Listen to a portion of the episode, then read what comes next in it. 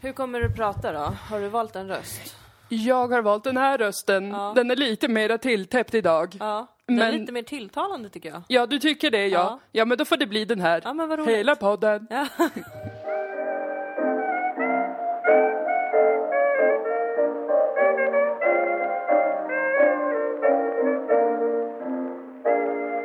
Nu kör vi bara, jag skiter i soundchecken, jag skiter i Ja, det. vi är rebeller, vi lever på the edge. On the edge of... Ra- Nej, Of låt. sound. Of sound. Nothing's ever gonna keep the volume down. Ja, vi får repa på den Ja, låten. vad jag tycker att vi har något på gång. Alltså vi har det där lilla extra som många efterfrågar Ja. i den här branschen. Men låten som sådan behöver få en till vers. Alltså hur, hur gör vi den till en hit? Ja, det gäller ju att den handlar om något mer än ljud. Ja, och jag ringer Max. Martin, Ja, bra. det är eh, Dilan och Moas podcast som du lyssnar på. Coming directly to you from our living room in uh, Sofielund, Malmö. Ja, bra. Eh, Det är den 24 juni idag, Vilket år? eh, 2020. Wow, vilket häftigt år. Vi, Nej. eh, klockan är 11.28 på förmiddagen. Tänk så tidigt vi är uppe och jobbar, herregud. Ja men herregud. Men vad?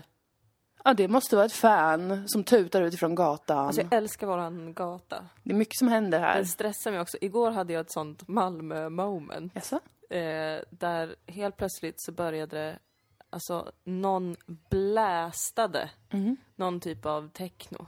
Yeah. Alltså det ekade och skallrade i fönstren. det var liksom som att någon hade startat en festival här utanför. Det var någon som tappade det i sin hemmakarantän. Fast Mm, jag ingen här det. kanske är i hemmakarantän. Alla sitter ute ändå. Ja, och samtidigt som de bläste techno så hör jag också jättehögt polissirener och polishelikoptern som brummar. Lägg ihop de tre ljuden.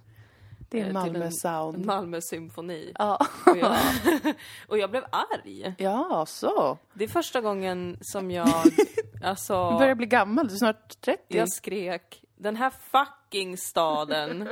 För att jag blev så arg över att, ska jag behöva höra Okej att vi har polissirener hela tiden från Nobelvägen. Ska jag behöva höra polissirener och en polishelikopter samtidigt? Det är för mycket. När jag vill lyssna på techno. Ja. Jag blev jätteglad, jag öppnade fönstret, jag Ja. ställde mig och skrek Var är festen? Finns det droger? ja, Får jag vara med? får jag snälla vara med? Ge Då kom polisen omgående, kastar sig ner från sin helikopter, allt. brottar Alltså, ner den. De drar ner stämningen så himla mycket. Ja. Och nu är det väl någon som tänker så här. "Men Ni måste ju vara polisen, måste ju typ bekämpa brott. Blöd. Men jag bara fick en sån dystopisk bild framför mig av hur Mm. liksom polisen hade blivit sur på... Det, alltså ett, ett helt scenario spelades upp Jag framför mig. Där liksom de skulle komma och stoppa, att det var någon som hade... Eftersom att jag inte såg vart festen var så Nej. fick ju fantasin göra jobbet. Ja, såklart. Ja, Mm, mm. och jag tänkte att nu är det någon som har bara dragit igång alltså, en festival i Ja. parken. Ja. Det var helt random. Nu orkar vi inte sitta hemma längre. Nej, nu vi kör vi in i kaklet. Och då såg jag framför mig hur polisen kom, både med helikopter och med bil. Nej. För att stoppa den här festen. Nej men snälla nån! och jag kände att det är inte ett helt otroligt scenario Nej, det i är det Sverige. ju inte. I Sverige gör vi ju allt för att ingen ska festa. Vi är fenomenalt tråkiga. Extremt. Jag tror att vi också är väldigt blinda inför hur tråkiga vi faktiskt är. Ja, det tror jag också. Många av oss har vuxit upp i den här tråkiga, tråkiga, döda liksäcken. och förstår inte hur kul det är i andra länder. Nej, men det, det tror jag är sant. Det gör mig ledsen ibland. Ja, det gör mig också ledsen när, när vi nu pratar om det. Annars så är jag också blind inför det. Ja. Jag tänker att eh, det finns en väg och det är hälsans eh, väg. Eh, och att leva ett redigt liv. Med danstillstånd. Med danstillstånd och liksom slipsen tight knuten. Ta en stor stark. Ja. Eh, och sen eh, någon gång då och då få en blackout. Ja. Spy ut genom ett fönster. Och en gång per år röker man cigaretter när Ja. man träffar eh, sina gamla tjejkompisar Ja, igen. För alla har skaffat barn. ja, Men man ses igen ja. och så är man så Åh, Nu lite crazy." Jag köpte lite mentolcigg för att, ja jag vet ju hur jag blir när jag blir full. Det är så, åh vad mörkt. Och vad mörkt. Men så är inte hela Sverige väl? Eller? Jo, En det är det gång nog. jobbade jag i Stockholm. Oj. Mm. Jag vet ju det. Du vet ju det att jag är liksom inte en regelbunden cigarettrökare. Nej. Jag är ju väldigt mycket en säsongare. Ja. Och jag fick lite feeling för att det var varmt ute. Köpte cigg. Mm. Tänkte, vad härligt. Mm. Och folk tyckte det var jättemärkligt minns jag. De på ditt jobb där? Ja, Ja. det var så, oj, röker du? Nej men gud! Ingen ville ha. Nähä. Ingen ville bara ta sig en liten cigg i solen. Nej. Då kände jag, Stockholm, du är död för mig. Ja.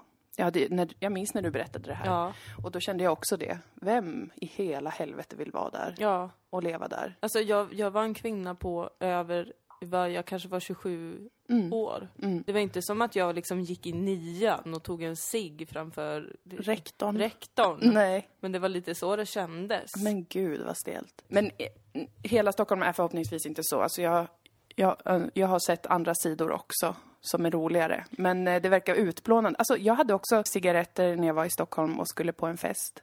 Och då tror jag att det kom fram typ totalt fem personer under en kväll. Mm. Jag kanske överdriver, det kanske var tre. Men det kändes som att varannan timme så det kom är det ändå fram fler än noll. Alltså det är många fler än noll. Ja. 100 procent mer än noll. Det var minst en. Nej, men alltså på riktigt så vet jag att det var typ tre. Det kan ha varit någon fler också. Ja. Och bara, får, men får jag köpa en cigarett? Alltså det var Men inte, det var inte liksom en hemlös narkoman som frågade det. Utan Nej. typ en ung tjej ja. och en ung kille som såg lite trendig ut. Och bara, förlåt, men får jag, får jag eh, bomma en? Jag bara, ja. Så bara märkte det här mönstret. Mm. Unga trendiga människor som inte har cigaretter. ja. Som kommer och tigger om det. Det är klart jag vill ge det. Inte Alltså, ens tigger, de vill köpa. de vill kö- alltså, Det är konstigaste jag vet. Jag vet att folk säger så ibland, kanske för att vara artiga, Ja. att de köpa en, en cigg. men det jag är jättestelt. det är jättestelt. Fråga bara om du kan få Ja. en. Och så tänkte jag, det här är säkert för nya rökförbudet och att det är jättemånga som vill feströka men som bara, nej men jag, jag röker inte så jag köper inte cigg.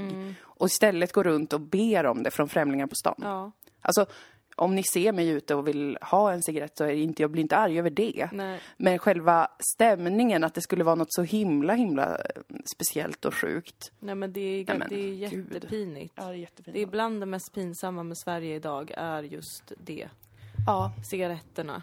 Alltså, jag önskar att tobaksbolagen eh, inte var såna jävla stormkukar. som vilket bra är. uttryck. Tack. Jag blev jätteöverraskad för det var så starkt. Ja, jag kom på det nu, nu? bara. Nej, vad bra. Det var därför jag ja. skrattade till lite, för att jag blev överraskad av mig själv. Ja, ja. Vilken jävla stormkuk. Stormkuk. Ja, men alltså det är ju gränslöst svineri och helvete. Ja, som de håller på med. Ja. Ja, ja. Alltså de är vidriga. Jag önskar att de var lite mer härliga, för då hade jag jättegärna, alltså då hade jag blivit en tobaksinfluencer. Mm. Bara för att jag, jag älskar tobak. Det är en del av mänskligheten. Det är så vackert. Det går, det går lätt för långt, alltså absolut, och det är livsfarligt på Ja. många sätt. Men, men that aside, så är det ju, alltså tobak, supertrevligt. Ja!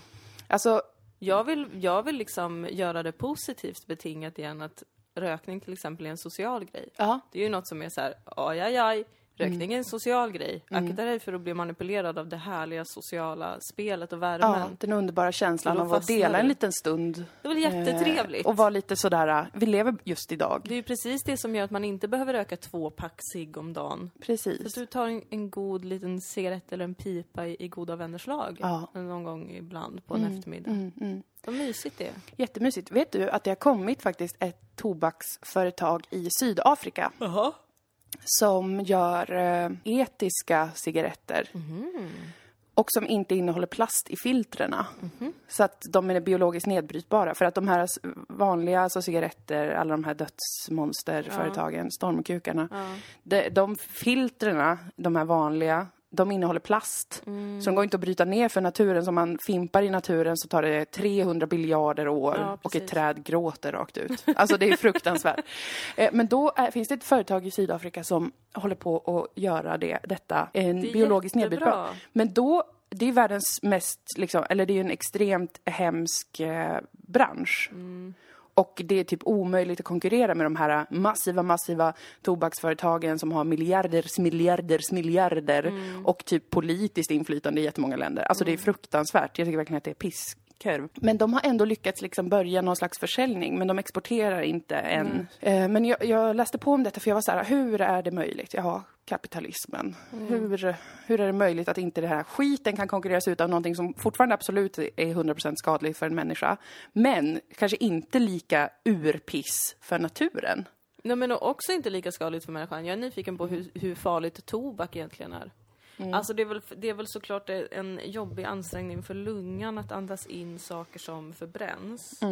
Men jag menar om man tar... Kära och grejer och sånt Ja, där. men kära måste det väl inte finnas i, i tobak? Jag tycker inte heller det. Det är det är min personliga åsikt. Om det det, är någon där ute som jobbar med cigaretter, Mm. eh, ni får jättegärna gå in på vår Facebook-sida, Dilan och Moa, Mm. och förklara för oss vad är det som är tillsatt i cigaretten och vad är det som är det farliga i tobaken. Ja, Jag kan säkert googla det här själv, men jag vill... Mm. jag har eh, redan googlat en gång nu och jag vill inte behöva göra det igen. Så Nej. att, eh, vänligen förklara. Jag menar, det kan ju knappast vara raketbränsle i tobak. Jag men det vet jag alltså, att det är cigaretter. Ja, jo precis. Ja, men det kan ju inte vara liksom tobaksplantan. kan ju Nej. inte liksom så växa och ha raketbränsle i sig. Det, vore, det, det känns märkligt Det, spontant. det känns jättemärkligt. Kan man odla tobak själv? Ja, jag vet inte hur svårt eller jobbigt eller lagligt det är. Nej. Antagligen inget av dem, eller vad man säger. att man odlar tobak i Kurdistan faktiskt. Mm, Om jag inte har helt fel. Det måste nog vara varmt va? Ja, det tror jag säkert. Och det är väl garanterat olagligt, säkert allt sånt här. Ja, allt är väl olagligt. Allt är väl här jävla olagligt. landet! Ja, Vad ska ja. hända med Sverige? Det tänker jag på varje dag. Ja, du, du bryr dig så mycket om Sverige, det är vackert. Så jävla sorgligt. Ja, jag undrar också det. Vad skulle hända om svenskarna fick ha lite kul ibland? Ja, men på en normal nivå av kul. Ja. Undrar också. Jag vet inte. We may never know. Det är We ju ändå en högre nivå know. av kul i Malmö får man ändå säga. Lite friare här. Alltså jag hör mer musik och sånt. Det känns som ett tydligt tecken. Ja, Att det liksom, det är alltid någon som blästar musik på våran gata. ja. Så var det på våran gamla gata också. Mhm. Jättehärligt. Det är alltid någon som, det är flera olika individer som varje dag cyklar runt med högtalare Ja, och spelar olika typer av musik. det är det. Och det tycker jag är underbart. Det är också en del bråk på öppen gata. Ja. Men det, det blir ju en sådär lite rowdy stämning. Idag hörde jag en kille balla ur på en tant. Jag tror att det var en, du vet det har kommit en internetmem som heter Karen. Ja. Ja, det var en sån Karen-kvinna. En medelålders eh, vit kvinna som började ropa någonting på en kille som cyklade förbi. Aha. Jag vet inte vad. Och han bara, du säger inte hur jag ska leva mitt liv. Du säger inte det till mig. Ja. Skrek han. Och jag bara, jävlar. Ja. Och hon började tjafsa emot. Mm. Men jag hörde som sagt inte riktigt, också för att jag gick snabbare därifrån. Ja. Jag undviker sådana Ja, situationer. precis. det var mellan dem. De behövde reda ut Du något. the silent bystander i alla Karen-situationer. Ja. Ja, jag hörde något otroligt skrikbråk uh, ute på gatan igår. Men jag tycker att det är lite uppfriskande. Människor har känslor, det är så det är. Ja, men det är väl för fan så det är. Herregud! Men här kommer skäll på Malmö. Mitt årliga skäll på måsarna. För att, Ja, don't get me started, nej men alltså, girl. hör du dem också på nätterna nu? Eh, nej. Nej, men för mitt rum, mitt sovrum vetter ju mot innergården. Ja. Eh, och det är ju en sån här stängd innergård, eller vad man säger. Alltså det ligger huset, det är liksom en, en rektangel Mm. som är omgiven av hus. Och uppe på taken så lägger de alltid ägg. Ja. Så här var det i min killes lägenhet också. Ja.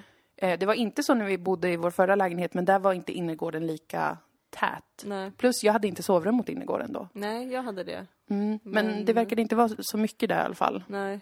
Men här nu så är det ett mås ståhej. Ja. Och det är någon eller flera individer av måsar som har börjat gallskrika mitt i natten. Okej. Jag sover ju som en ängel. så att jag vaknar inte så att jag... jag kan inte säga nog många gånger, jag sover som en ängel. Ja. Alltså att jag vaknar inte till så att jag inte kan somna om. Men jag hör det liksom, i natt tror jag det var, för det var kolsvart och det är det ju nu bara mitt på natten. Typ 12 till 3 eller 4. Och så från ingenstans, knäpptyst, alla sover, ett gallskrik, ett vansinnesskrik från en mås. Ja. Det gällaste skriket man kan tänka sig. Ja. Och då väckte den sina andra måsvänner. Och så började alla skrika. Men varför? Fan! Så att det, det tycker jag är, alltså det är den, kanske det värsta med Malmö. Men det, Stadsmåsarna. stadsmåsarna och alla människor som matar Ja, men, måsarna. ja, snälla nån. Alltså, varje gång jag är ute så ser jag någon som fucking matar en mås. Mm. Varje gång jag har varit och spelat in Söndagsakuten, Ja. Mm. det spelar vi in på Norra Grängesbergsgatan. Så då går jag alltid förbi Sofielundsparken, eller Enskifteshagen, vilket är ett jättefult namn. Ja. Jag går, för då går jag alltid förbi Sofielundsparken. Och varje söndag är det samma fucking sak. Det är någon som sitter i den jävla... Alltså det är liksom barnfamiljer som sitter och matar hatar de här måsarna. Alltså, vad är det Deras fel? barn kan dö. Ja, alltså vi alla kommer dö. Måsarna är livsfarliga. Men där är ju jag en som inte griper in. Du gör inte det, nej. För att jag är livrädd för de här fucking hormåsarna. Ja. Jag fortsätter bara gå Ja, och sen så, så snackar jag skit om alla som matar dem. ja. Ja, men man kan inte göra så mycket mer. Men var, vad, vad, vad tänker folk med? Fruktansvärt. Fördriv dem till havet det åtminstone. är där de ska vara. De ska ju flyga runt ett skepp som fiskar. Ja! Där kan de vara. Det är en trevlig syn. Ja. Och där ute räknar man med det ljudet. ja, och där ute är man själv inte ett upp, upplevt hot mot dem. Nej. Som de känner att de måste liksom attackera. Nej men alltså de är så hemska. Jag minns den här jäsande sommaren 2018. Den varmaste Ja. på länge. Jag tror i alla fall att det var den sommaren. Mm. Då såg ju jag, och jag fick inrapporterat ti- till mig på Twitter, Mhm. ett stort antal människor i Malmö som såg måsar äta andra fåglar, eh, råttor. Ja. Jag filmade själv en mås med blodig näbb som stod och slet ut inälvorna ur en råtta på gatan. Ja, men det, Ja, men alltså det är så groteskt. Och då kände jag så här, nu kommer fågelapokalypsen. Ja. De kommer äta sig starka och få massa rabiesgrejer. Ja. Och sen kommer de börja försöka ta oss. Vi måste ha en ny lag från Sveriges regering om att man måste ha tillstånd för att mata måsarna. Alltså jag vill ju att hellre, hellre än att poliserna jagar liksom drogförsäljare Mm. och folk som kanske spelar för hög musik. Så vill jag att polisen jagar måsar. Jag med. Är det en felaktig prioritering av mig? Nej, men jag skulle kunna sträcka mig till att säga att jag tycker att polisen kan sluta jaga folk som spelar hög musik och kanske dricker utomhus och sånt. Ja, Drogförsäljningen förstår jag är en svår boll för dem att släppa. ja jo, Med tanke på det. lagstiftningen Ja, i Sverige. Jo, okej. Men om de åtminstone kunde prioritera bort att säga till när folk dricker öl ute på en gräsmatta. Ja, Det gör de inte så ofta i och för sig. nej, Men det kan nog ha hänt. säkert. Jag vet att, jag minns det från Stockholm när jag bodde där i alla fall. Mm. Att det var en grej. Vi var i Humlegården ett antal gånger och var tvungna att gömma alkohol. Ja, men det, det här minns jag också. Men det måste ha blivit lite nedprioriterat va? För att nu känns det som att jag ser typ alla influencers jag följer Ja. och bloggar och sånt. De sitter alltid ute och dricker bubbel i en park. Ja. Alltså så att jag tror nog Men att gör det de kanske... någonsin det? Min bild av influencers är att de är så här. Mm, idag äter jag um, pasta och pizza och den här goda efterrätten. Och så Mm. fotar de bara det, men så äter de det inte. Det är sant. Jag, jag vet inte om de verkligen dricker.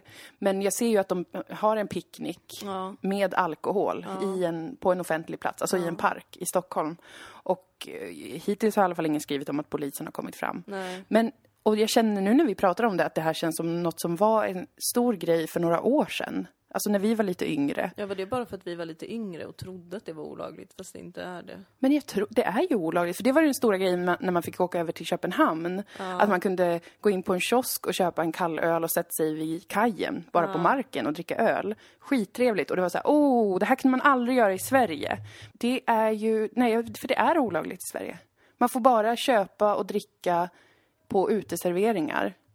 Och inte på offentliga platser. Nej men är det så? Det låter Jag jättesjukt när jag för- säger Jag det. vet att jag har hört det när jag var yngre, att man inte får ha, ha alkohol i, i en park. Ja, Och att man inte fick dricka på bussen och sånt där. ja. Och tunnelbanan. Ja. Det har jag också gjort mer och mer nu. Ja men gud! Polisen kom ju en gång när jag åkte tunnelbana i Stockholm, jag och mina vänner, och vi hade med en, en bib rödvin som vi drack ur. Vi hade med plastglas. Vi skulle till en fest och det tar hundra timmar att åka tunnelbana till något ställe. Och då kom polisen, då, då var vi tvungna att försöka gömma den, så såg de den då, så sa vi det är inte våran. De bara okej visst, släng den.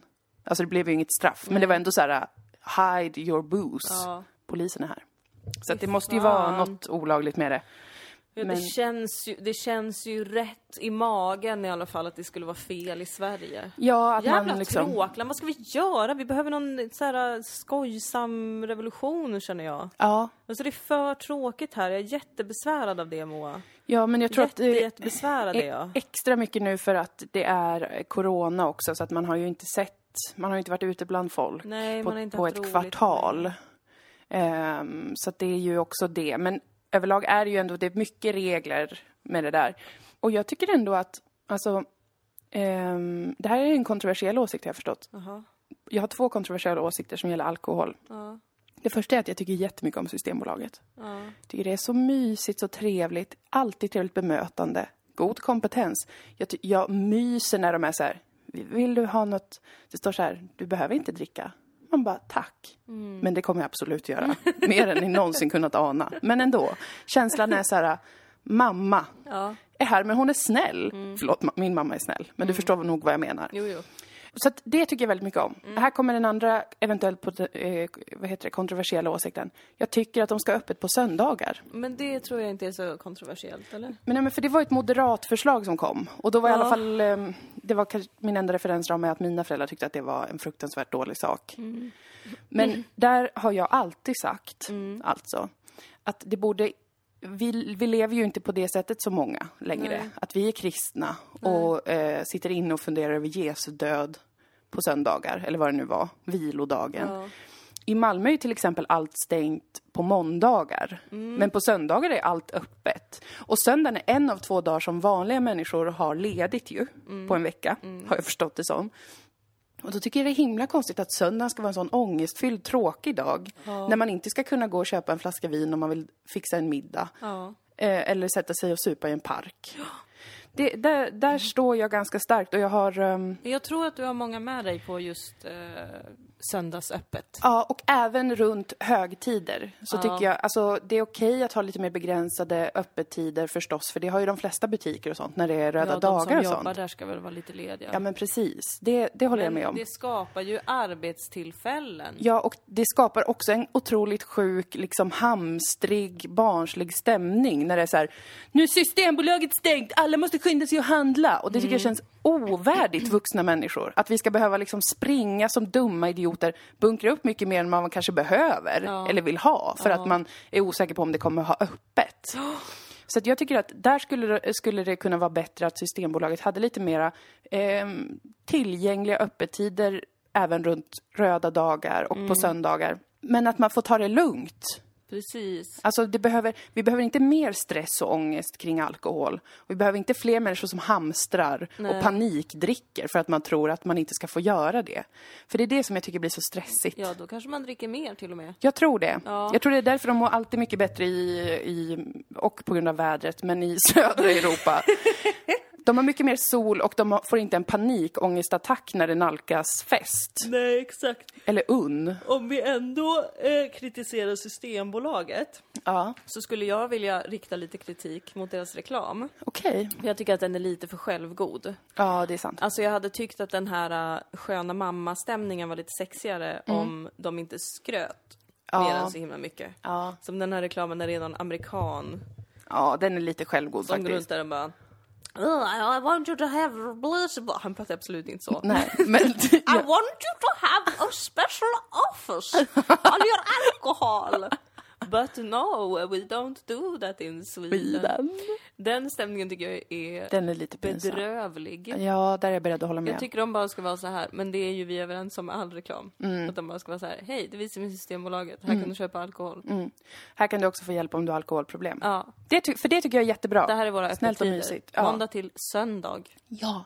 Sju dagar i veckan, Ja, normala tider. 10 till 18. Ingen stress, ingen behöver få, få liksom blackout Mm. över att vi nu helt plötsligt har stängt en vecka. För det, det är också lite, det, det är lite självgott alltså.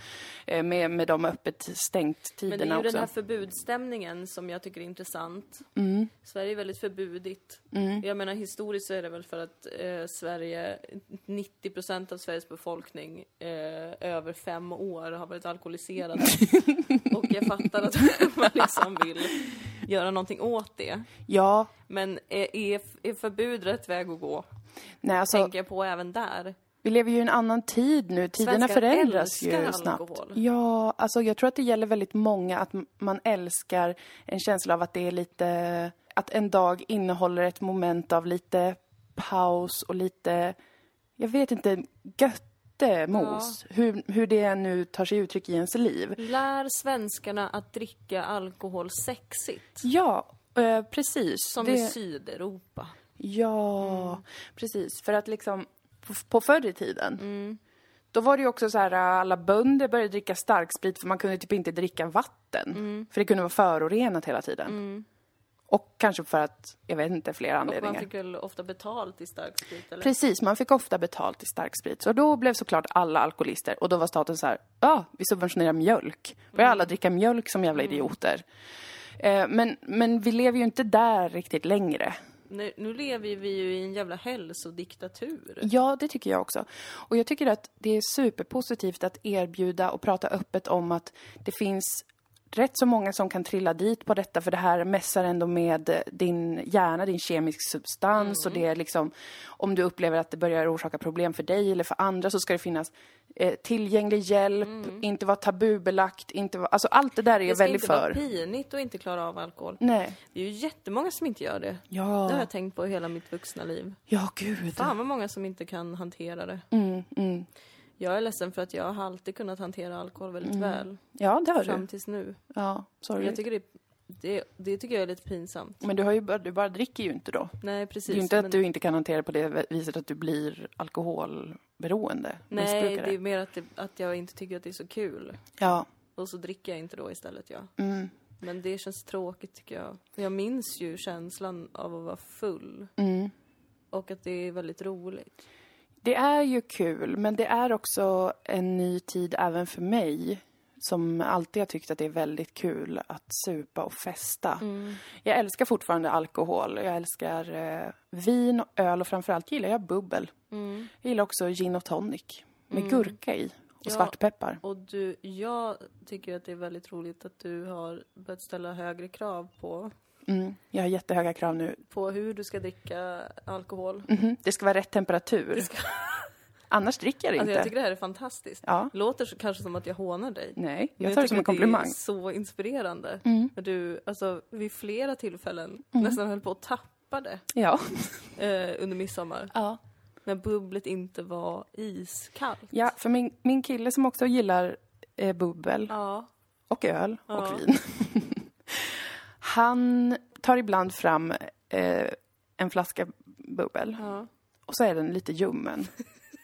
Och tidigare i mitt liv så har jag varit så här, ja ja, det är i alla fall, det är ändå gott. Ja. Men nu har jag insett det är inte det. Det måste vara iskallt. Det Annars måste smakar imma. det lite kräks. Annars smakar det lite kräks, oavsett hur fint det är. Ja. Jag köper aldrig något som är dyrare än 115 kronor, men ändå.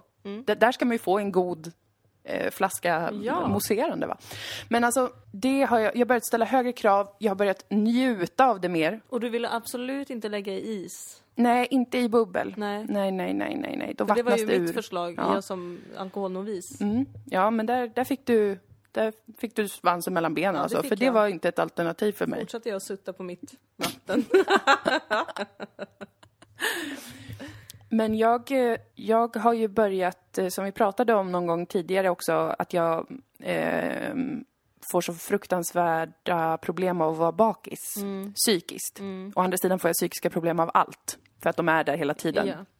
Men det har liksom vuxit och vuxit till en, en ohållbar eh, skräck inför att vara bakis. Så att nu på midsommar så drack jag ändå ganska mycket öl, så jag var bakis på lördagen. Och jag höll mig i stå. Men det var på gränsen till att jag kände att jag ville liksom sticka in en kniv i ansiktet. För att jag kände mig trött. Jag var inte ens illamående eller sådär. Jag var bara trött, fast jag hade sovit, men jag var- var bakis då. Men jag, jag höll det ändå i, i check. Men det har blivit en sån fruktansvärd oro i mig för att vara bakfull. Men istället för att sluta dricka då så jag har kommit på det underbara trixet att man tar sig ett glas framåt eftermiddagen, runt 4-5, innan middagen. Alltså dagen efter. Nej, nej, nej, den dagen man, man vill dricka alkohol. ja, ja. ja. Och sen äter man middag. Mhm. Och då kanske man dricker någonting annat till middagen. Mm. Eller max eh, ett litet glas Mm. eh, om det gör att maten blir godare. Typ rödvin om man äter något som passar med det eller sådär. Men lite bara. Mm. Och sen efter middagen, då känner jag oftast att jag inte vill ha mer. Mhm. Och, det, och då dricker inte jag mer. Och så blir jag inte bakis. Men jag blir pyttelite full där på eftermiddagen istället. Ja, ja, ja, ja. Innan middagen. ja. Och då är det ofta, alltså nu när det är vår och det är sommar nu till och med, man sitter i solen, Mm. man kanske har tagit ett dopp i sin egen å. jag vet inte. Och då är det jättetrevligt. Plus jag blir inte bakis dagen efter. Nej. Så på så vis har jag nu hackat det systemet. Moas alkoholtips. Ja! Och, eh, men sen ibland så dricker jag ju ändå ännu mer om det är fest eller ståhej. Och då får man ju ta att man blir bakis. Det får man acceptera. Eh, och jag, jag, kämpar på att inte bli självmordsbenägen av det. Just det. Oklart om det kommer gå. Annars får jag väl sluta någon dag.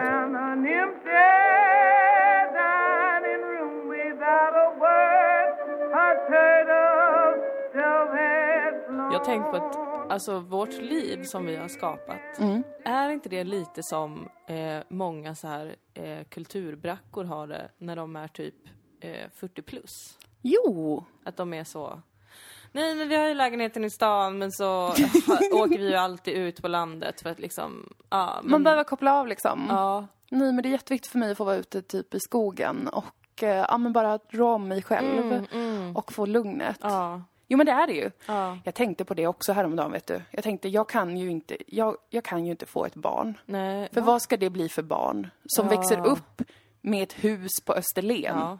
Och en lägenhet i Malmö? Ja. Vad blir det för människa? Ja, jag kände Outhärdlig. en, en, en liten våg av skam skölja Ja. över mig. Ja, ja men Det alltså för så, att, Har vi blivit som de som jag alldeles fullkomligt avskyr? ja, Fastän vi är mycket yngre. Ja. Mm. Först tänkte jag winning, fan vad nice, in your face alla losers. ja, Så här gör man ju, Mm. man gör det tillsammans bara. mhm, Det är inte så svårt. nej. Och sen kände jag, Ja, är, det det, är, är nästa steg att vi liksom, för sådana kulturbrackiga barn. ja, att vi Bara, kanske gör jag ska ut sån- till stugan i helgen. Ja. Eh, Mammas stuga, den ligger typ vid Haväng. Ja. Så det är liksom bara så jag har det. Men jag får inte komma dit för tidigt för mamma ska göra en sån här, eh, de är där från liksom TV4, så ska de göra så här, korta klipp typ där mamma gör olika, ja men hon är väldigt bra på att göra paj. Så de ska göra en sån pajserie, så gör de reklam för, jag vet inte var jag kommer ifrån nu. Nej, det var jättesvårt helt plötsligt att gestalta en yngre generation skånska. Ja, För de pratar ju den här jättekonstiga, alltså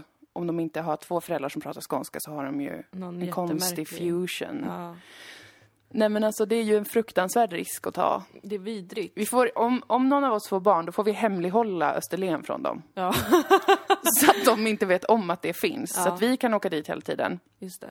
Men då får vi väl ha att de är på barnhem på helgerna. Vi släpper av dem på Möllevångstorget. Så får de klara sig själva. Nu är det sommarlov, ha så kul. Ja, så här var det när jag var liten. Fast jag växte ju upp faktiskt med sommarstuga. Ja, det är, mm. Men då i, på Umeås eh, östkust, som det absolut heter. Nej men alltså i Bottenviken. ja. Eh, växte upp inne i Umeå och sen hade mina föräldrar ett, eller har kvar, ett, en liten stuga ute vid havet. Mm. Men jag, det, det, det var ju jättefint ju, eller det är ju jättefint, men det är liksom inte... Umeå kan liksom inte riktigt bli så kulturbrackigt, tror jag, rent estetiskt. Nej. För att dels är det väldigt kallt och mörkt stora delar av året. Eh, oftast på sommaren kunde man ändå inte liksom riktigt bada och sånt. Nej. Alltså Österlen är ju kulturens kulturbrackighet. Jag tycker det är jättejobbigt att det är så mycket stockholmare där. Det är stockholmare, För det är barnfamiljer, det är folk som håller på med För yoga. att jag växte inte upp med ett sommarhus såklart. Nej, Jag är nej. ju invandrare. Ja, men du och ni har ju också varit i Kurdistan Ja, vi har varit i mycket. Kurdistan Det är ju ett sommar. case jag har. Ja, just det. ja, och det, jag har tänkt på det caset. Att alla invandrare ska sluta gnälla för det är fan lägenheter i hemlandet. Ja. I alla fall de som kommer från någon slags lite mer medelklass. Ja, ja gud Vi är ja. alla samma skrot och korn. Ja, alltså svenskar får åka till sina landställen och frysa hela sommaren. Ja. Vi invandrare får åka till hemlandet och svettas och känna oss obekväma i vår identitet. Ja, Det är liksom plus minus noll för alla. för alla inom medelklassen då. Men nu känner ju jag så här, det här är vad som stör mig i liksom min resa mot att bli en eh, kulturelitmedelklass. Ja. Eh, det är ju det här att vad härligt det är med Österlen. Mm. Vad härligt att placera livet där ute. Mm. Vad jobbigt att vara stockholmare. Ja. För att det är bara så här, äh, ha, Mandelmans, de är stockholmare. Mhm. Och den här nya floristkillen, eller vad fan han är. Just det, det är till program nu om Alla de här Österlen. TV4 Österlens-kärringarna. Ja. De är ju stockholmare. Ja. Jag kan bara tänka mig hur alla, alla skåningar tittar på det och är så, ja jävla horor. Helvete alltså, Kommer hit och förstör. Mm. Och jag är inte en av dem. Nej, det är du inte. Och inte jag heller ju. Nej, du är från Umeå för det Jag är första. från Umeå för det första, där vi inte kan vara övre kulturmedelklass. Enligt mina beräkningar är det fullkomligt Det är omöjligt. helt omöjligt. Och min kar är ju faktiskt från Österlen. Ja, just det, det är han. Vill jag vara jävligt tydlig med. Han är en urinvånare. Ja, han är ju inte Österlen. född där. Nej, men ändå nästan. hans föräldrar är också från Stockholm. Åh, herregud. Vi är uppe i Stockholmssmöret på Österlen. Ja, det är vi. Ja, det är djävulskt att det skulle behöva bli så. Jag tycker bara att det är tråkigt och jag känner att jag behöver inte fler identitetskriser i mitt liv. Nej, nej. För att det känns som att det är den drivande kraften i mig. Börjar jag förstå mer och mer. Är alltså en konstant identitetskris överallt.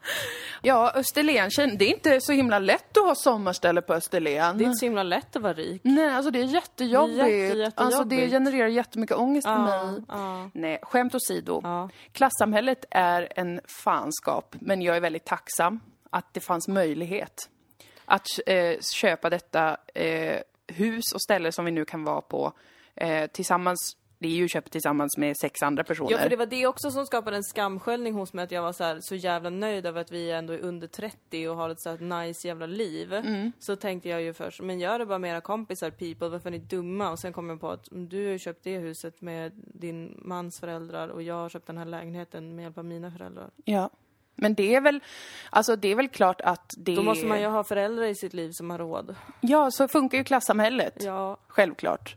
Det kan man väl, och det är väl inget så jävla konstigt att man vill göra det som man har möjlighet att göra. Att ens föräldrar eller släkt eller vänner eller vad det än är som har möjlighet vill se till att man kan få skapa det bästa livet man kan tänka sig.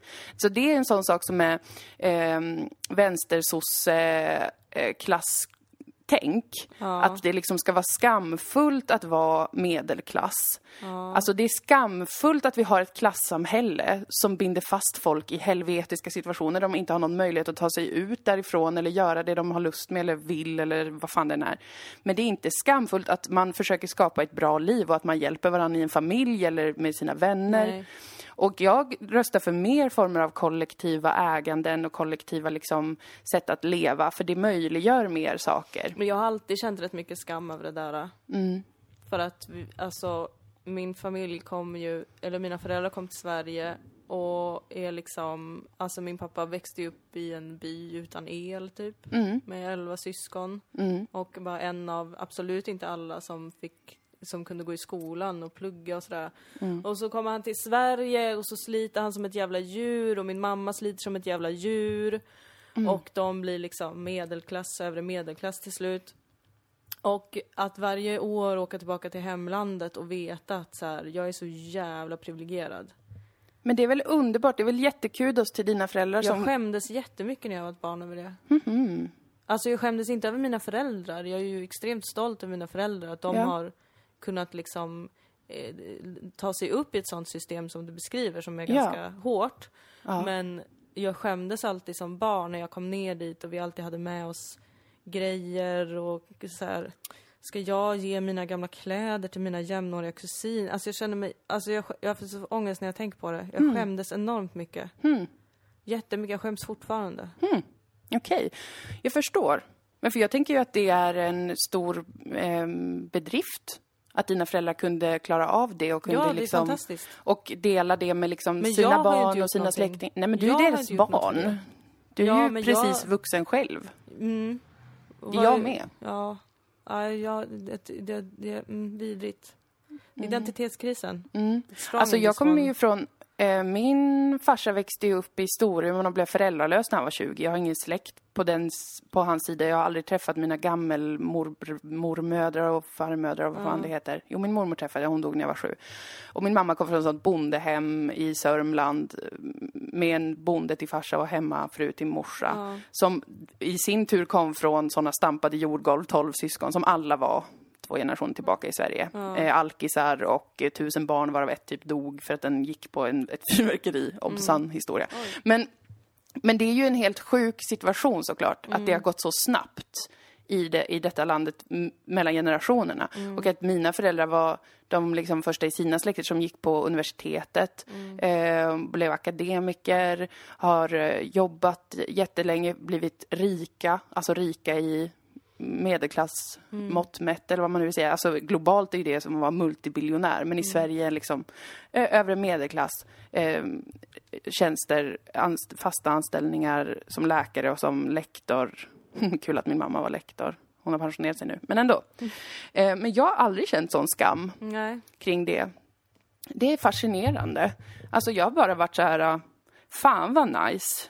Eh, och om jag får pengar så vill jag kunna dela med mig till mina eh, vänner och min familj, kunna ha saker tillsammans, kunna liksom eh, försöka skapa situationer där alla kan få leva och må bra så gott det går. Ja. Men jag har också alltid haft känslan att Visst, vi tillhör ju liksom en otroligt girig art som ganska lätt blir sjuk i huvudet och bara vill ha mer och mer och mer och ökar hela tiden sina utgifter så att man måste tjäna mer och måste liksom allt det här, du vet.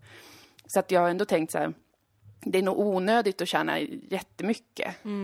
Det, det är nog jätteskönt att kunna ha besparingar. Det skulle jag vilja kunna ha någon dag. Och jag skulle verkligen kunna eh, ha möjlighet att hjälpa folk i min omgivning ekonomiskt om de behöver det eller vad det än kan vara. Det skulle jag verkligen vilja. Men liksom, personligen så skulle jag bara vilja minska alla utgifter stegvis, betala av lån, m- amortera eller vad det heter.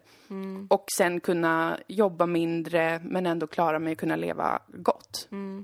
Så har jag tänkt på det ganska så mycket. Men det kan nog vara också att jag var liksom, eh, jag vet inte varför. Att jag aldrig har känt någon skam kring pengar eller kring klass på det sättet. Det är nog för att jag känner som att det bara är någonting som har slängts på alla. Alltså som att det, den osynliga handen har det, bara... och det finns ju en orättvisa i det. Jag undrar om det är det som jag har känt skam över att liksom... Eh, för att som sagt, jag minns det som tydligast från när, när vi åkte till Kurdistan. Och jag liksom såg hur, alltså mitt kött och blod och min pappas syskon hur alla lever så jävla olika beroende på vilka som tog sig till universitetet och vilka som var tvungna att bli kvar hemma och hjälpa till. Ja. Och det, att det är ett sånt bisarrt lotteri. Ja. Och varför ska, jag, varför ska jag vara den av alla kusinerna som fick det så jävla bra och kommer här som någon jävla Marie Antoinette och ska komma med allmosor. Alltså, det har ju blivit starkt i mig det här att, eh, att dela med sig och hjälpa till och bidra. Och att vi ska stärka varandra och allt det här. Det är ju en extremt stark princip som jag är glad över att ha fått med mig. Men den skammen som följde med är också så stark. Och Jag tycker inte om att typ njuta av mina pengar. Nej, Jag tycker inte om att handla för mycket. nej. Nu har vi shoppat ju. Mm. Och det var en jättestor grej. Ja. Ja men det finns ju då, och det tror jag det gör för väldigt många, en, liksom Det att det är knutet fult, ens identitet ja. Ja. Alltså att pengar, materiella saker sitter som en del av att det skulle vara att man själv har liksom Varför skulle jag ha det ansvar, här? och det har man ju såklart. Men, men det är ju sådär med, det är inte rättvist. Det är, det, ju all, det, det är man ju sjuk i huvudet om man skulle försöka säga att det skulle vara rättvist att jag blev medelklass och att jag Mm. fick alla de här grejerna.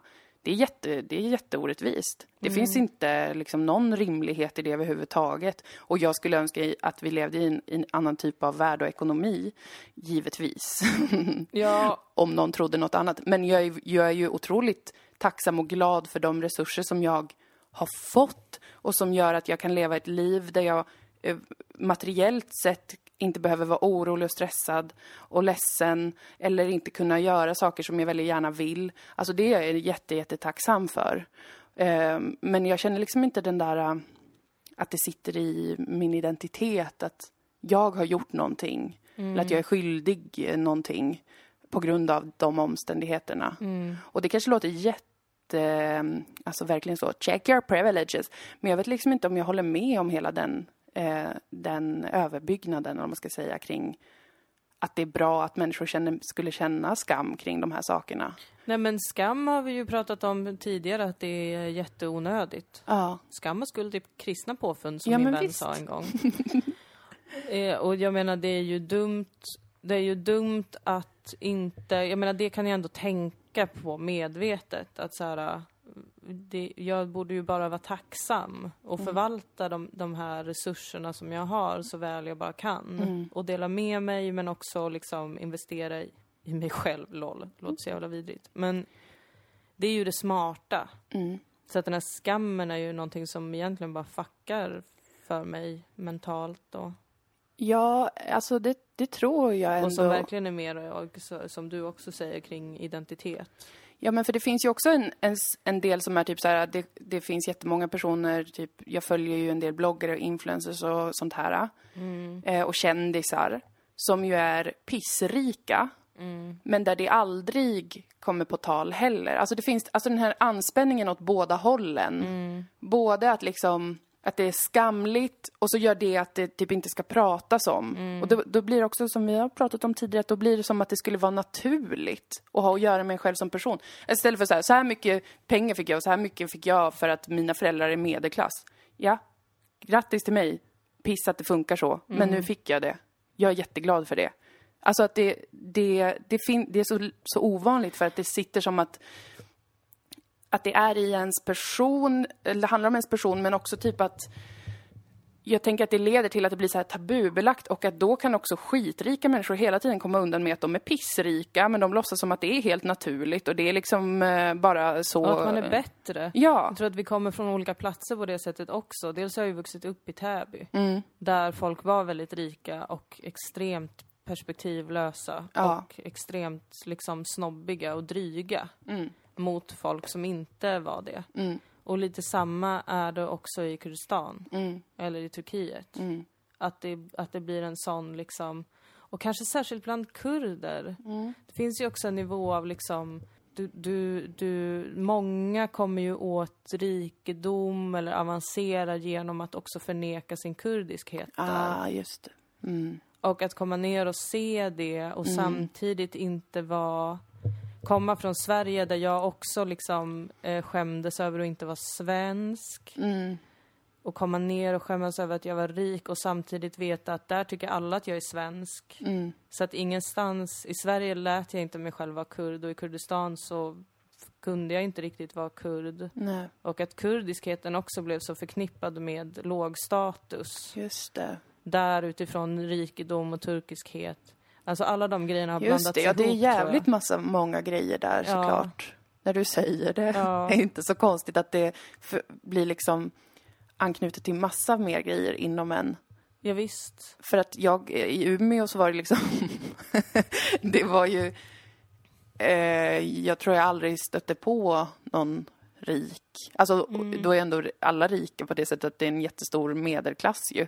Och liksom i min uppväxtvärld, kulturfolk, akademiker, liksom mina, mina föräldrars vänner och mina systrar blev ju sen också akademiker allihop och sådär. Så att det är klart, den, den samhällsklassen, stor mängd i Umeå. Men liksom det fanns, det var ju som bara ett stående skämt med de, några som hade byggt fina villor vid älven. Att det liksom var en lustig, eh, ett lustigt missförstånd kändes det som. Att det fanns några som byggde en italiensk villa och alla var så här LOL. Men det Ja, liksom, och, och Umeå upplever jag också som mer sossigt. Mm. Alltså lite mer typ jante också. Att många av de eh, kanske äldre personer jag möter i Umeå när jag är där, Mm. som har liksom hus och pengar och ett, ett liv där de har råd att liksom unna sig och ha kul och sånt. Att Mm.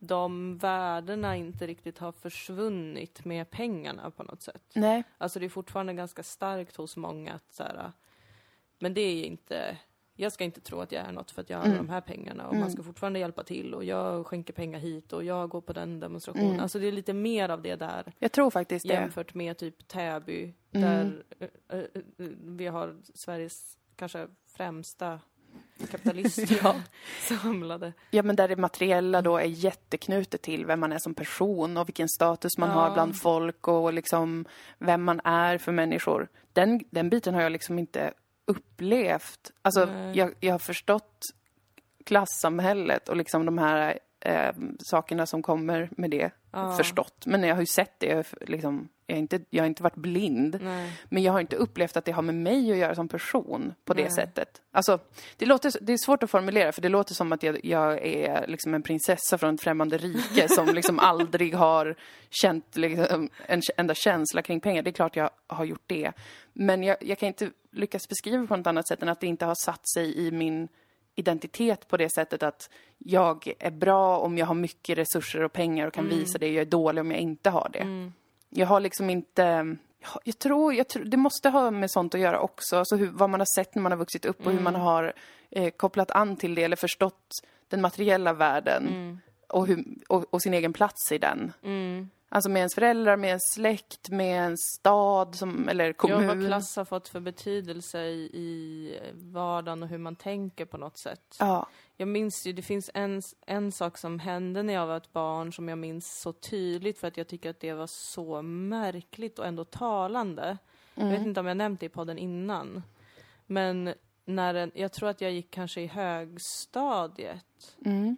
Eller gick jag i gymnasiet till och med? Jag tror det var i högstadiet. Mm. Och en person i min skola, alltså en jämnårig, Mm. påpekade min nyckelknippa. What? Och bara, varför har du så få nycklar? Eller så här, du har ingen överlåsnyckel, typ. Jag bara, nej, jag har, jag har en nyckel till huset och typ en cykelnyckel. Eller Ja. vad? Ah, men du bor inte i lägenhet? Nej, jag, jag bor i villa. Aha, okej, men gud, jag trodde att du bodde i lägenhet. För att du är invandrare. Ah, Alltså att ett barn kan titta Mm. på en nyckelknippa. de jävla tryffelsvin med pengar barn. Ja, och reagera. Och Mm. så tydligt vara så här, fast den du är hör ju inte hemma där. Just det. Mm. Jag håller med. Samtidigt som jag liksom, det var bilden av mig här och sen bilden av mig där nere i Kurdistan var liksom verkligen den helvete, vad rika prinsessan från främmande land. Ja. Som har så himla mycket. Bara va? Ja, men inte, du kan ta den tröjan. Det är så barn. Så jävla förvirrande såklart. Mm, Mm. ja. Ja, för det är, alltså, vid en första anblick så tänker man ju, eller tänker jag ju så här bara, ja, man, man förstår ju pengar och materiella saker rationellt. Men emotionellt så har man massa konstiga grejer going som, som påverkar hur man förstår sig själv då också. Utifrån sina materiella saker. Det är, det är ju superförvirrande. Och det blir ju den där, alltså att det, det uppstår mycket skam hos folk på, åt alla håll. Förutom kanske de allra rikaste. Och jag, som tydligen inte känner någon skam. kanske för att jag är den rikaste i Sverige. ja, kanske. Kanske. Men och att den gör att man inte pratar om det utifrån att det här liksom påverkar också ens känsloliv, ens självbild och, och hur man, vad man anser sig få och inte få göra typ i sitt liv. Men det är en hel bag of Och få shit. och inte få vara. Ja, det blir också som sagt alltid den där obehagliga känslan av att det är av naturen givet. Allt som framstår som att det är av naturen givet, även ett klassamhälle, om det framstår som att det är av naturen givet för att man ska förneka att man kommer någonstans ifrån. Man bara, nej men jag är också, jag, jag vet inte, det spelar ingen roll att mina föräldrar är medelklass. Jag hade ändå kunnat köpa det här huset. Det är också så här, var kommer det då ifrån? Då är det det man föreslår är att det skulle vara bara naturligt. Eller bara så här, det blev så för det var det enda alternativet. Det är ju inte, det är ju politik, det är ekonomi. Det, det är större saker i görningen som inte som jag inte tror man tjänar på att det blir så tabubelagt. Eller så himla mycket så här bara, du i ditt liv ska ta ansvar för det där, du ska check your privileges. Jag tror sättet att checka privileges är att försöka ta ur eh, tabudemonen ur saker och ting. Och försöka förstå det utifrån de här större perspektiven. Och sen att inte vara ett svin naturligtvis. Var lite alltså, mer sen kanske. Ja, lite mer. Var lite så, okej, we must act upon what is. Ja, och, Inte what was. Och, och, Eller all skam runt omkring det. Ja. Utan okej, så här är det, det här är mina privilegier. På det här sättet har jag det strukturellt sett bättre än många andra. mm, Hur kan jag göra för att själv bidra till att jämna ut det? mm. Och Utan att också straffa precis. mig själv. Precis, för att om jag känner mänskligheten rätt, vilket jag ändå anser mig göra, Mm. så finns det inte någon, eller kanske några liksom väldigt eh, religiösa människor som kanske skulle liksom vara beredda att ge bort allt de har eh, materiellt Mm. för att vara en del av samhället som inte har någonting. Alltså jag tror bara att det är väldigt få som inte är giriga och som vill ha. Jag tror väldigt få som inte vill ha ehm, en fin bil, en, vad det nu kan vara, det är massa olika grejer i olika samhällsgrupper, inte fan vet jag. Alltså vissa vill jättegärna ha en jättefin bil, det är helt främmande för mig, såklart. Men alltså, och vissa vill ha det där och andra vill ha det där. Jag tror att vi är giriga och att det behöver regleras. Alltså för annars skulle det inte vara så att den absolut rikaste procenten, där, där har alla typ fyra båtar. Alltså bara det borde vara bevis nog på att, okej, det ballar ur. Det ballar absolut 100% ur och alla är såna. Eh, Sen så är det slumpmässigt och orättvist vilka som har fått massa grejer och vilka som inte har fått det.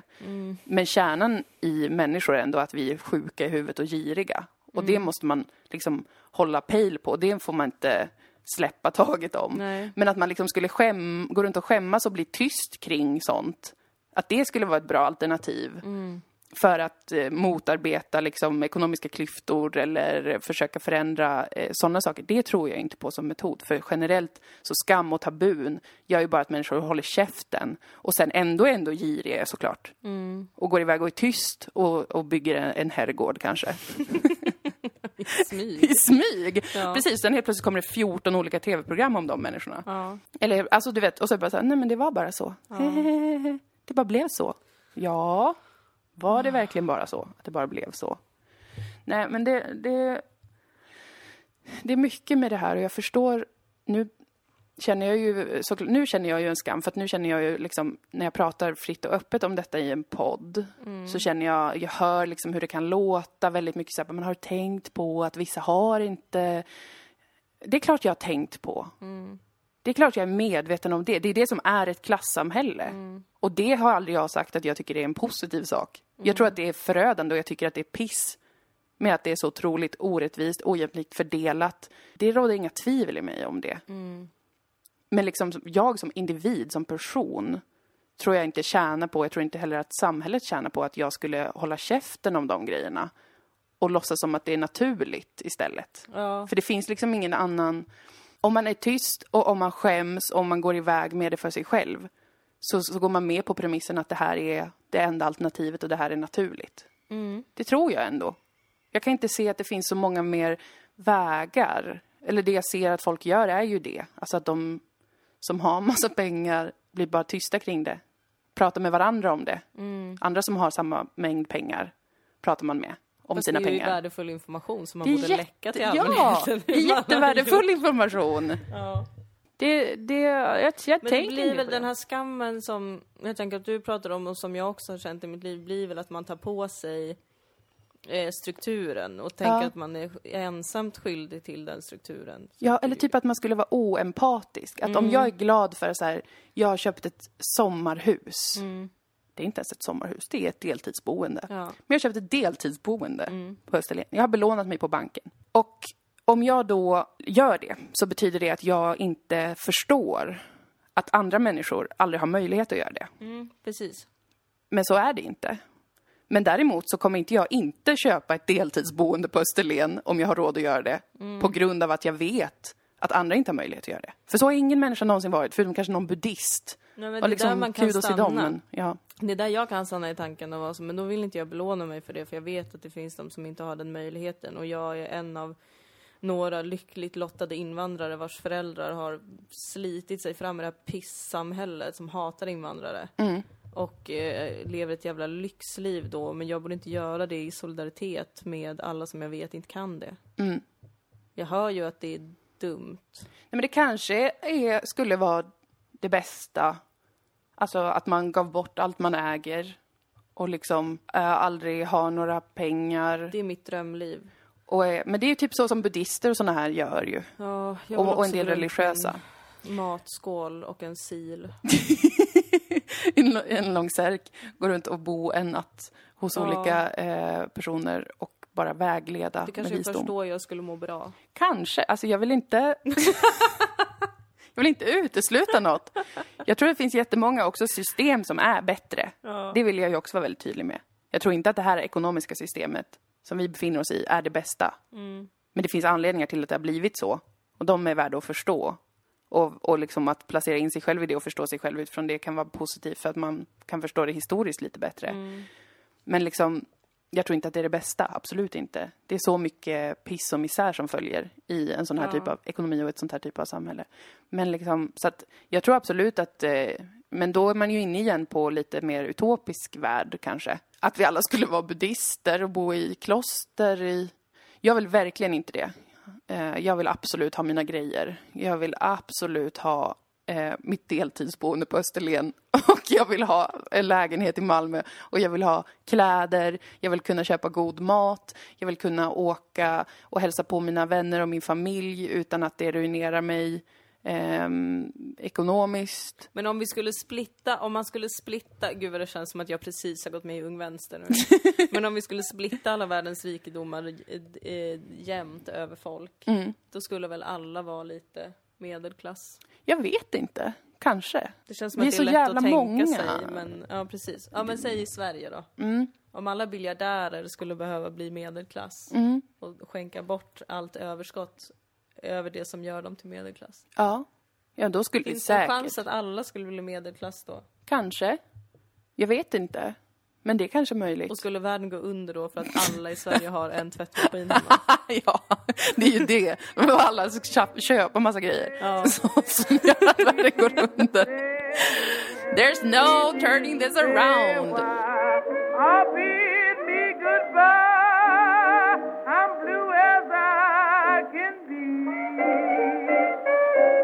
Men det är jävligt svårt. Ja, det är svårt, det är svårt att finnas till och det är svårt att eh, aldrig veta vem man är.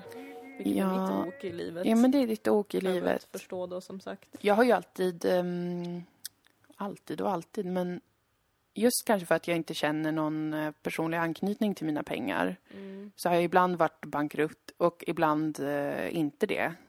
Eh, alltså ibland tjänat mycket på en gång och sådär. Men jag har alltid känt att jag, det, det finns inget som tar emot i mig att säga exakt hur mycket pengar jag har. Sen verkar ju inte det vara så vanligt. Eh, och sen liksom när det kommer till klass så, så måste man ju räkna in också liksom ens föräldrar och ens familj, ens sociala nätverk och hur mycket ens jobb kanske sliter på en för de pengar man får. Alltså du vet, det är mycket mer som, som, räknas i, som räknas in på det stora hela. Men i liksom rena cash så, jag vet inte vad som är liksom typ de lägsta lönerna i Sverige. Jag vet inte ens sådana saker. Det kanske man ska veta för att vara en god medborgare. Ja. Men om man typ går på SOS och sånt där, vad man får ut. Jag har, jag har inte gjort det, men... ehm, Moderaterna la ju upp en sån eh, grej att om man eh, är två personer som har två barn ihop så kan man få 15 000 kronor i månaden var på bidrag. oj. Och då så twittrade jag, wow, varför har jag fått veta det här först nu? Hur gör jag? Ingen har sagt till mig hur man gör. Ingen har sagt till mig hur jag ska få så mycket bidrag. Hur mycket kan jag få utan att ha barn? Ja. Om det nu är så himla himla enkelt. Ja, det här måste vi kolla Alltså på riktigt så skulle jag jättegärna vilja förstå och se om jag kan göra det. Ja. Jag minns att jag pratade om i många, för många år sedan i vår podd att jag aldrig vill tjäna mer än 20 000 efter skatt. Det minns jag också. Ja, och eh, då sa du, men mm, lite realistiskt så vill man kanske tjäna ändå, få ut lite mer så man kan spara också. Älskar att Moget spara. sagt. Ja, jag har aldrig sparat. Jag liksom, eh, har, jag, har jag inte pengar så har jag inte pengar. Mm. Då måste jag låna av någon rik. Det vill säga mina föräldrar eller någon annan. Mm. Men skitsamma. Det jag tänkte på var i alla fall att jag vill höja det. Ehm, Det här är alltså ett eh, officiellt meddelande från Dilan och Moa Podcast. Moa Lundqvist eh, berättar live. Jag berättar live. De senaste åren har jag utslaget på ett år gått från att få ut 13 000 i månaden, leva på det, till att nu kanske få ut 18 eller 20 i månaden. Och det, då lever jag ju livet alltså på det. Det passar mig jättebra. Men jag skulle vilja kunna börja spara. Så jag skulle vilja öka mina bets. Jag skulle vilja tjäna 25 efter skatt Du i månaden. kan spara med 20 000 i månaden. Men vet du hur dyra hårspännen jag har köpt? just det. 500 kronor köpte jag ett hårspänne för. Ehm, Du måste leva mer som jag, att du aldrig någonsin köper någonting. Ja, jag har ju några stora utgifter som är eh, eh, pysselmaterial och nu även på senaste tiden så har jag köpt kläder för första gången på tre år. Men 25 efter skatt skulle jag vilja ha. Ja. Och sen mer än så ska jag inte få. Nej. Då kan jag börja ge bort det som en buddhist. Ja. Men det är väl inte för sjukt? Jag tror inte det. Jag vet inte. Jag förstår inte hur mycket folk tjänar heller. Nej, jag vet- Det är jag också vet en grej jag i Stockholm och jag Ja. hör vad folk tjänar. Ja. Alltså jag hör om folk i min egen ålder Mm. som har pluggat lika länge på högskola som jag. Ja. Som alltså tjänar 50-60 tusen i månaden. Oj, efter skatt? Nej, Nej, det då är det innan inte. skatt. Men då är det inte att man tar bort hälften väl, som man gör när man fakturerar? Nej, Alltså om man tjänar 60 000 i lön. det är väl kanske 40% skatt, jag vet inte. Jag tjejgissar jättemycket nu. Ja, jag har ingen aning faktiskt. Nej. För att när man fakturerar så kapar man ju av hälften efter bara moms. Jag blir chockad ändå. Hur Det är möjligt? jättemycket. Det tycker jag då, som eh, har satt min maxgräns på 25 000 nu efter skatt då. Ja. Vilket betyder att jag behöver fakturera 50 000 i månaden varje månad ett helt år. Det går ju inte. Nej. För jag vill ju inte heller behöva jobba mer än, ja det är där, det måste man också räkna det. in. Jag vill jobba, nu ska vi se här, sex månader om året kanske. Mhm. Okej, sju. Om det är något kul. Åtta om det är riktigt kul. Mm. Nio, tio, elva, tolv. Ja, fyra månader om året ledigt helt Mm. och bara göra hobbygrejer. Det är mitt mål. Så då, om man räknar på det så, då kanske det är att jag skulle behöva tjäna liksom mycket mer de månaderna. Ja, precis. För att det skulle motsvara. Ja, ni hör ju. Det är jättesvårt. Det är jättesvårt faktiskt. Jag ska göra en ny kalkylering och återkomma till er med vad jag behöver tjäna Ja, för att eh, leva det här livet som jag vill ha. och jag kommer dubbelkolla den grundligt för att jag vet hur du är med siffror. Ingen aning. Nej. Så ignorant. Jag är verkligen en dumskalle. en rik dumskalle. Rik dumskalle. Men jag tänker i alla fall inte hålla på och tab- tabua runt med det. Nej. Så mycket kan jag ändå ge samhället. Jag, ni Jag, kommer inte se mig helt plötsligt ha en Ferrari och ett eget TV4-program och säga att jag egentligen inte har så mycket pengar. Det kommer inte hända i alla fall. Nej, de är de vidrigaste jag vet. Mm. Jag kommer fortsätta skämmas tills jag har fått hjälp med en psykolog att, eh, av en psykolog att reda ut eh, varför jag har så många kriser kring min identitet och vem jag är. Ja, men det är får vara. jättebra. Det stödjer jag. Mm. Det kan man få hjälp med på så vis. Och sen vad gäller klassamhället, ja vi får ju inte uttala oss politiskt egentligen. Vad tur att vi aldrig gör det. Ja, vad tur att vi inte alls har gjort det idag. Vad tur att det inte någonsin kan märkas vilket politisk, politiskt håll någon av oss kommer ifrån. Jag har inga åsikter om klassamhället. Det bara Nej. är väl. Det bara är, och man får väl ta sig i kragen om man är fattig. Ja. Eh, Det är min bestämda åsikt att om du har lite pengar, gå Och på det sås och liknande. är inte en politisk åsikt. Nej, det är ju Det naturligt. är också en intressant sak med Sverige. Det är verkligen inte en politisk åsikt att anse att eh, folk bara ska kämpa. Mm. Åh, Sverige, Sverige älskar även Kent har jag också tänkt på, men nu blir det Oj, för förlåt. långt. Det var bara en spontan usch som kom från mig där. Ja, jag älskar Kent. Mm. Jag är så ledsen för att de här stackars jantekillarna från Eskilstuna som har känt sig så off i Sverige. Att en av deras samhällskritiska låtar blev så jävla älskad Ja, och spelas mainstream. Alla mainstream-töntar. Ett till problem med Sverige. Ja. Men, men. Men, men. Tack för idag. Tack för idag. Um, må Gud, Kristi och Buddha vara med er. Är det här det näst sista avsnittet innan sommarlov, eller? Ja, det är det ju. Det är det, va? Ja, nästa avsnitt får bli sista för säsongen. Ja. Mm, men eh, då säger vi så. Vi sparar tårarna tills dess. Ja. Hej då! Hej då! Ja, stötta oss på patreon.com Dilan och Moa. På tal om pengar. På tal om pengar. Så att jag kan köpa ett till jättedyrt hårspänne och kanske en duschstol och en dusch-tv om det finns någonting sånt. Ja, och jag kan köpa en bäddmadrass. Ja, vi har fortfarande inte lyckats göra det. Jag skäms. Gud, jag skäms. Skäms för det.